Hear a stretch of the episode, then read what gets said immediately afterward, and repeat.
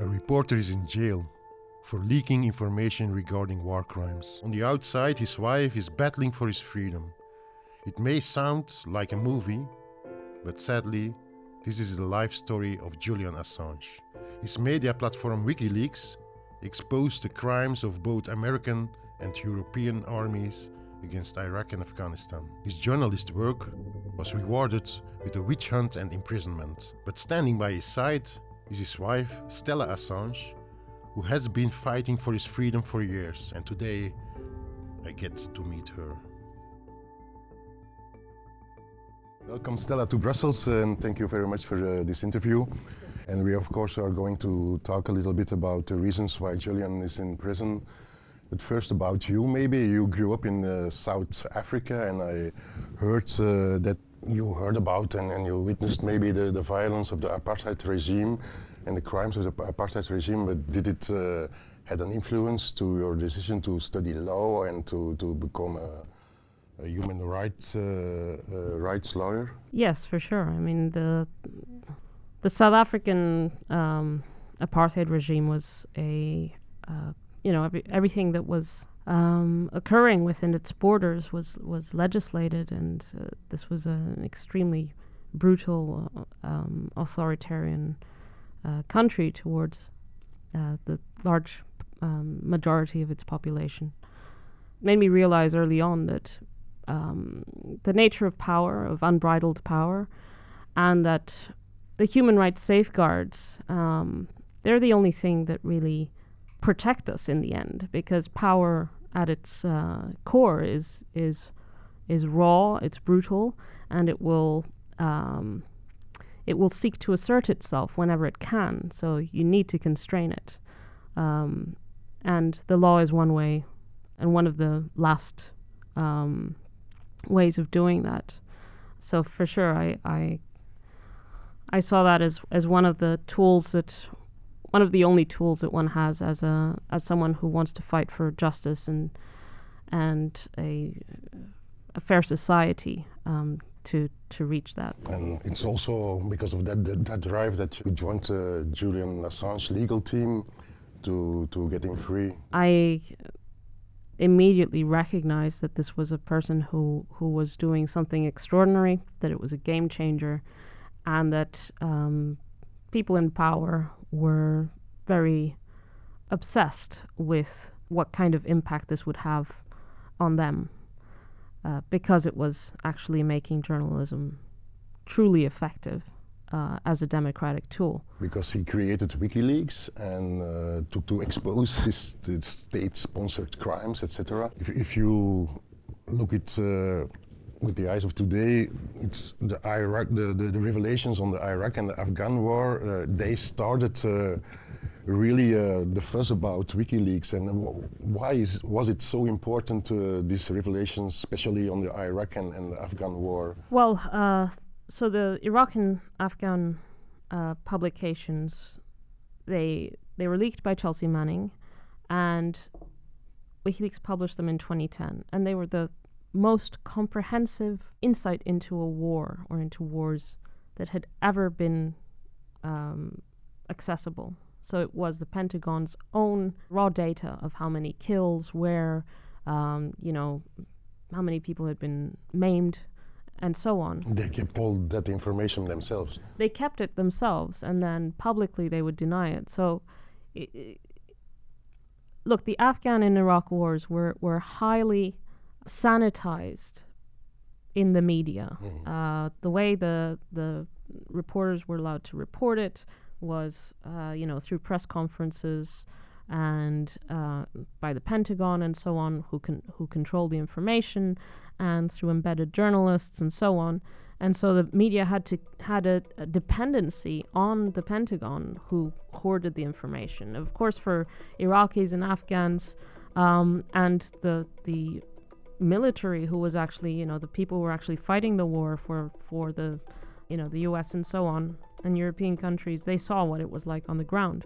But in terms of the media, they were receiving and reporting a very sanitized version. And this is a war, of course, in the case of Iraq, that um, was an illegal war that, uh, you know, we were lied into, that the immense majority of the population in Europe um, and in the US, I think, uh, opposed, and yet it it proceeded, and uh, it revealed things like uh, that the U.S. had uh, a record of 15,000 individual civilian casualties that they hadn't disclosed. And of course, they wouldn't disclose it, right? Because that might affect uh, the viability of continuing the war or, or, of sending, you know, soldiers to fight this war or, uh, or receiving the budget and so on. So it's purely um, political uh, reasons why the Pentagon wouldn't disclose this. But imagine uh, for these for these victims to not even be acknowledged, um, and and that information it belongs you know it belongs to the victims and their families, and it also belongs uh, to the taxpayers who are paying for this war.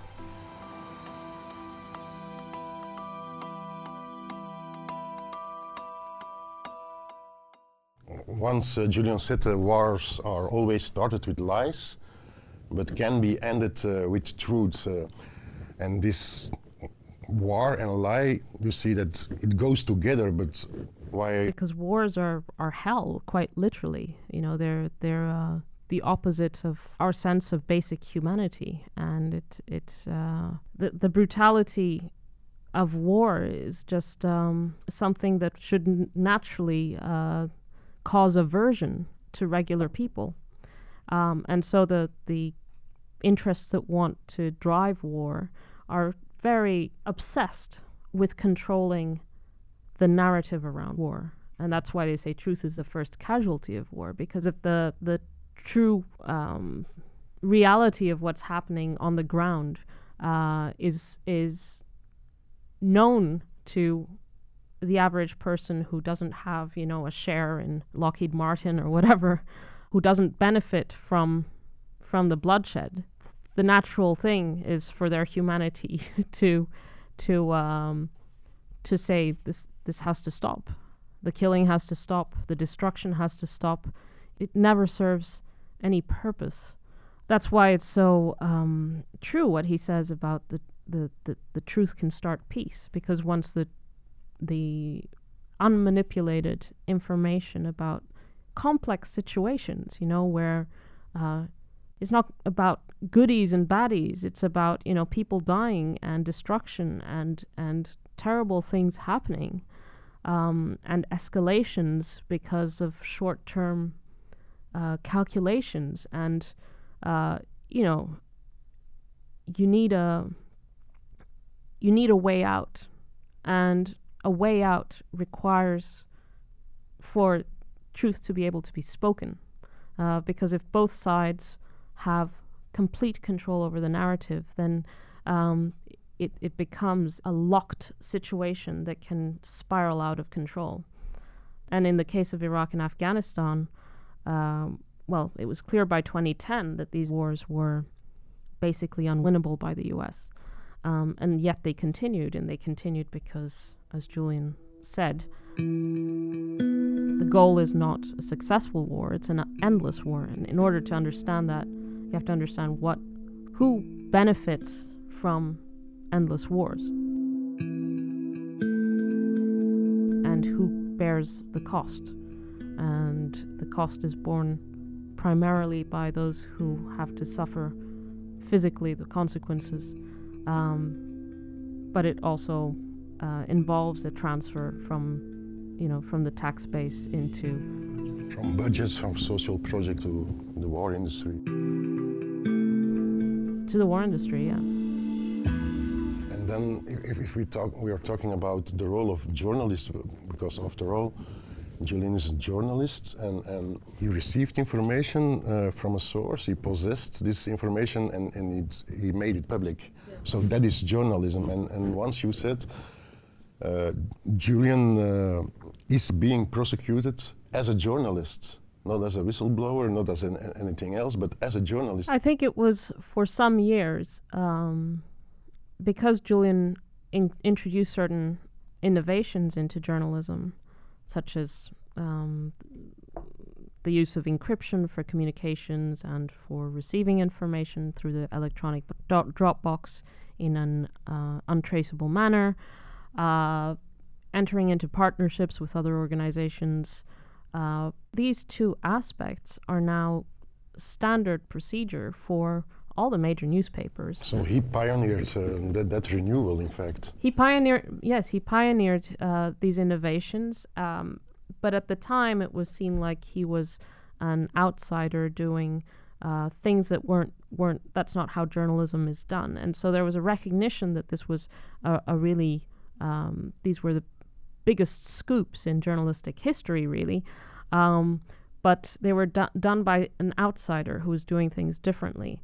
Um, and there's actually a very interesting paper by uh, a deputy attorney general of the U.S. who argues that the American press has been, it's called the WikiLeaksization of the American press, and he says, well, these were the innovations. Now they all use it. Um, so it was always the case that what Julian was engaged in, engaged in was journalism. It was effective journalism. It was journalism of the 21st century. Um, but it was journalism. And there was an attempt to falsely try to say that he was different. But then when it comes down to analyzing the activity, uh, even the, the Obama administration said we that they they could not find any way to differentiate the activity from what the New York Times does in its essence that is receiving possessing communicating to the public. Um, and so the Obama administration said uh, this administration is not prepared to prosecute Julian Assange uh, for the Chelsea Manning leaks because the only way to do so, having analyzed the facts, is to effectively to criminalize journalism, and this administration is not prepared to do that. The only thing that changed was that there was a different administration, and um, they decided that they did want to set the precedent. They did want to uh, describe but, but that is rather shocking. But the things you say is that uh, if the possession and the publication of uh, vital information is being criminalized, it's not only about Julian; it's about uh, journalism uh, in its whole. Absolutely, and that's, I mean, that's always been the case, and especially because uh, Julian is not, he's not an American citizen. You know, he came he came to Europe to publish. He came to Europe because of um, the the safeguards are, that were here, because of the partnerships that he had here. Um, and what the U.S. has done has basically asserted that it has jurisdiction over the rest of the world and uh, over the rest of the world's journalists, and it it can uh, pluck any person um, who reports about uh, you know criminal behavior by the U.S. administration and and claim um, claim to have jurisdiction over them and put them in prison. Uh, but it's not just it's not just that. I mean, if you look at uh, what's just happened over the past few days, um, the Russia has used its espionage laws to prosecute a Wall Street Journal reporter, and this is the first time that a U.S. reporter is prosecuted under these this legislation since the Cold War. It's not like they didn't have the the law wasn't there to do it before. It's that they've decided to use that legislation in the same way um, that the U.S. is using its espionage laws um, against Julian. This is. You think uh, there is a link that uh, Russia now is prosecuting this journalist from the Wall Street Journal with laws that they already had because of there was some kind of precedent internationally uh, with the Trump ad administration to, to, to prosecute uh, Julian. I think the US is setting a global template about how to go after reporters, journalists, dissidents, whatever. Um, and there, there had been long been a consensus that you just don't go after journalists. Um, you don't, you know, Russia could have just expelled the guy. Like it expels American citizens all the time, you know, for, for various reasons. But they've actually decided to, to do this. Uh, and I think as soon as Julian's indictment came down in the U- US, Bolsonaro went against Glenn Greenwald with a very similar ac- uh, accusation to the one that there was against Julian. And then as soon as Julian was, was arrested as well, in Australia, you saw Australian fed- federal police raiding the, the national broadcaster ABC and uh, changing legislation, which included, for example, that the Australian uh, security uh, services have the have the right to, you know, even change the contents of the computers of of the of the national broadcast or, or of reporters, um, withdraw information and so on. This is completely mad.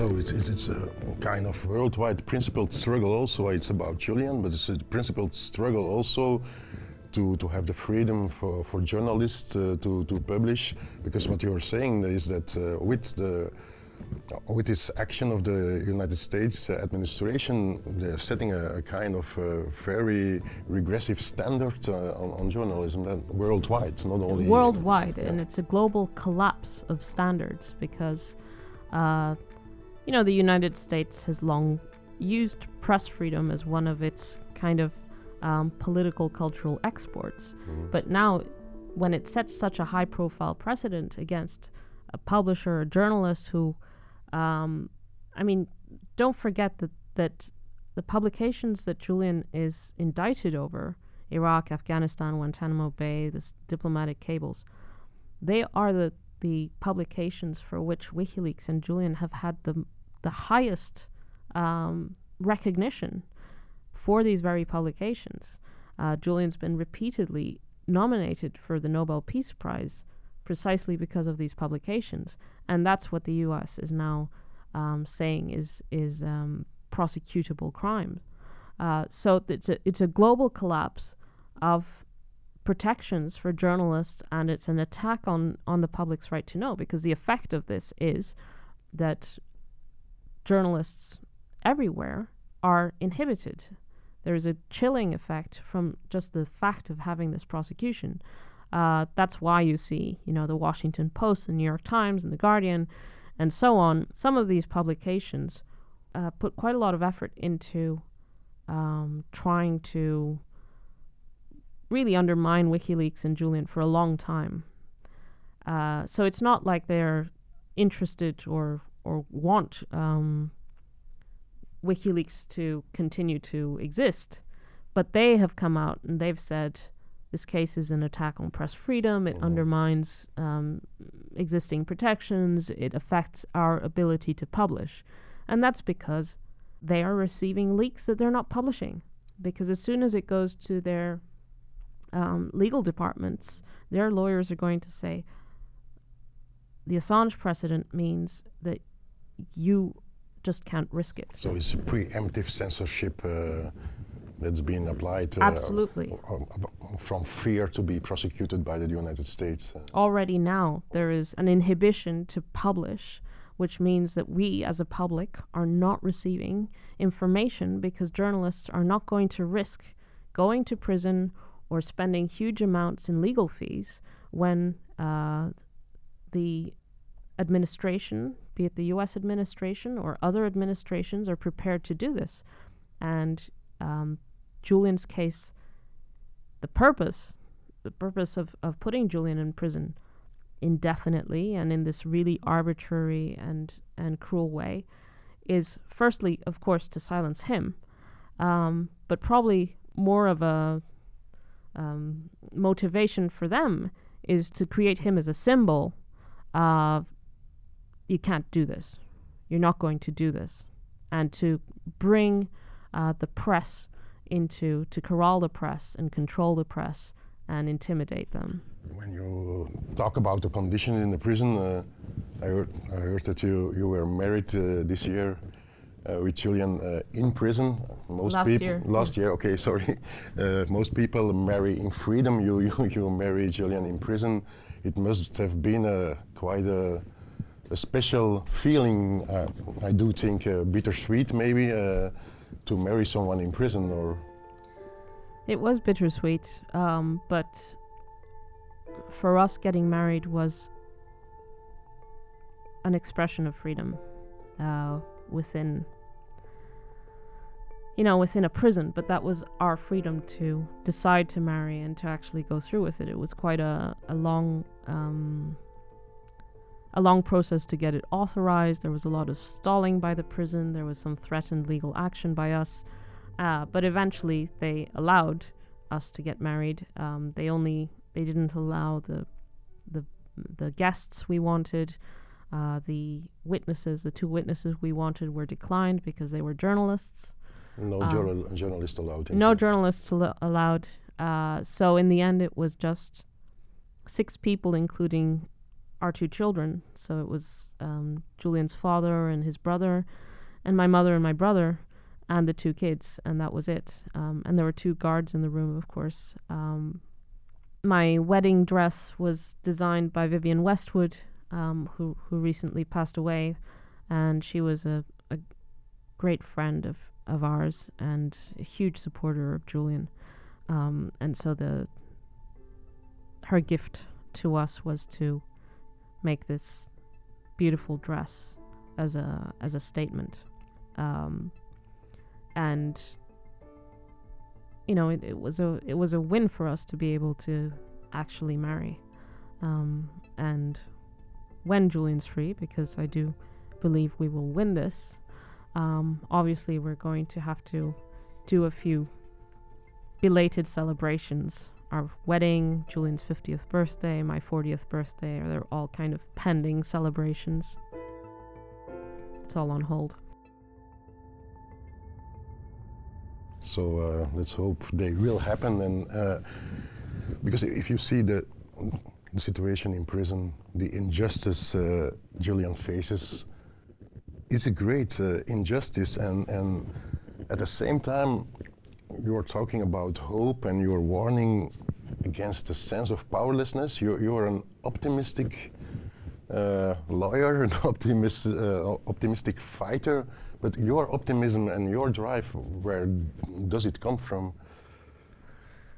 Uh, well, I think it comes from it comes from seeing that Julian actually can be freed, that we can actually win this. Um, and I, I see this as not just my solo fight. It's not my solo fight. It's um, well, Julian's entire family is is committed to getting him out, uh, and millions of other people, because millions of p- other people have basically become witnesses to an enormous injustice uh, because they they can they've come to understand I think over time that uh, you don't need to understand the ins and outs of, of the legal case, the legislation in the U.S., legislation in the U.K., this and that. Um, you just see the, the naked facts, and the naked facts are that um, Julian has been in the harshest prison in the U.K. for four years and counting. He's indefinitely there. He's there because the U.S. wants to extradite him. The U.S. has a, a, a sentence of 175 years, and it is accusing him of publishing the most significant um, information about war and the killing of civilians and torture and crimes against humanity. I mean, it couldn't be more extreme. Um, I think the intrinsics of the case are are so important, and that the only thing standing between Julian and his freedom is is people's awareness about what's going on because any any person with a sense of justice, fairness and and and a love for democracy will be moved to call for his freedom and wouldn't tolerate uh, what's going on. Um, and yeah, I don't I don't like to use the word hope because I think hope can be a little bit distancing. Uh, I think you really need to get down and and work towards a goal. Um, and there are different ways of doing that. And um, some people protest on the street um, regularly. Some people just talk about Julian's case with their friends and family whenever they can. Uh, some people, you know, uh, there are people all over who are doing their part or what they can um, to try to bring this awareness. And we have, you know, from, as I said, protesters on the street um, to heads of state, uh, the president of Mexico, the president of Brazil, the president of Argentina, uh, the prime minister of Australia, even um, the United Nations, uh, the OSCE. Um, you know, there there's a a movement, I think, at every level, um, which understands the importance of this case. It's not just about um, the interests, the self-interest of the press. It's about you know whether we we are going to be living in a um, free and open society or whether this is just the end of it. So, which is the best way to act to support uh, the campaign of uh, to, to free Julian Assange? Uh? Um, well, I'd say stay informed about the case. You can follow me on Instagram and Twitter, Stella underscore Assange. Uh, there's uh, a website called don'textraditeassange.com, which has a lot of links um, to, for example, documentaries and videos and, and statements by these organizations that I've mentioned, um, and also an action page. Um, but there are also um, uh, grassroots initiatives um, and obviously, people can donate uh, within the European Union. There's the Wau Holland Foundation that takes donations, and those are um, tax deductible. Um, and there are actions happening all the time. So I'd, I, I would say just stay engaged because something uh, might be happening near you any moment. Okay, thank you very much, Stella. And, and please, listeners and viewers, uh, go to the social media of Stella. So thank you for your strength and passing this strength uh, to other people. And we will commit ourselves to, to continue to, to support the campaign to free Assange because in the end it's uh, a campaign for democracy and free journalism for everyone. Thank you. Thank you very much. Thanks.